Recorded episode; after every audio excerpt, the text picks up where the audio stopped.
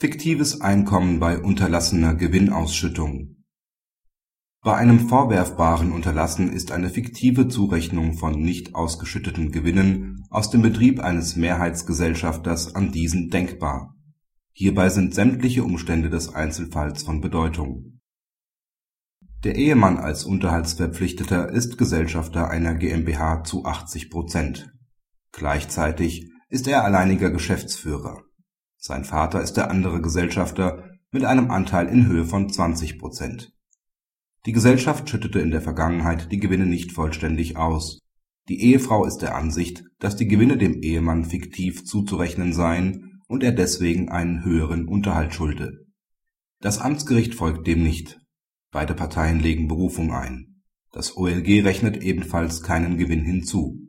Eine Zurechnung von fiktiven Gewinnen setzt danach voraus dass der Ehemann seine unterhaltsrechtliche Obliegenheit, zumutbare Gewinne aus dem von ihm als Geschäftsführer betriebenen Unternehmen zu erzielen, in vorwerfbarer Weise verletzt hat.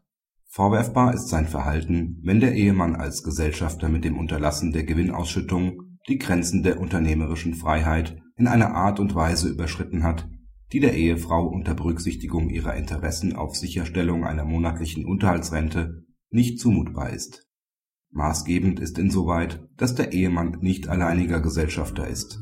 Daher muss er auch die Belange des Mitgesellschafters berücksichtigen.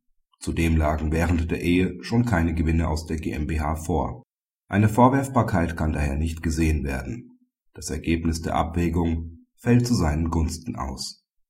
Praxishinweis Grundsätzlich ist auch bei einem Mehrheitsgesellschafter der nicht ausgeschüttete Gewinn nicht automatisch zuzurechnen denn jede fiktive Zurechnung von Einkommen setzt eine objektive Verletzung unterhaltsbezogener Pflichten voraus. In die Abwägung ist daher nicht einzubeziehen, ob das fehlende Einkommen besonders leicht hätte verdient werden können, etwa weil der Pflichtige als Mehrheitsgesellschafter einen entsprechenden Verwendungsbeschluss hinsichtlich des Überschusses auch alleine hätte fassen können.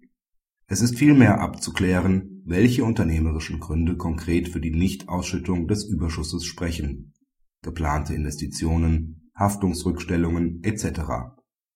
Diese sind dann gegen die unterhaltsbezogenen Pflichten zu stellen. Nur auf diese Weise kann die unternehmerische Freiheit abgegrenzt werden von der unterhaltsbezogenen Leichtfertigkeit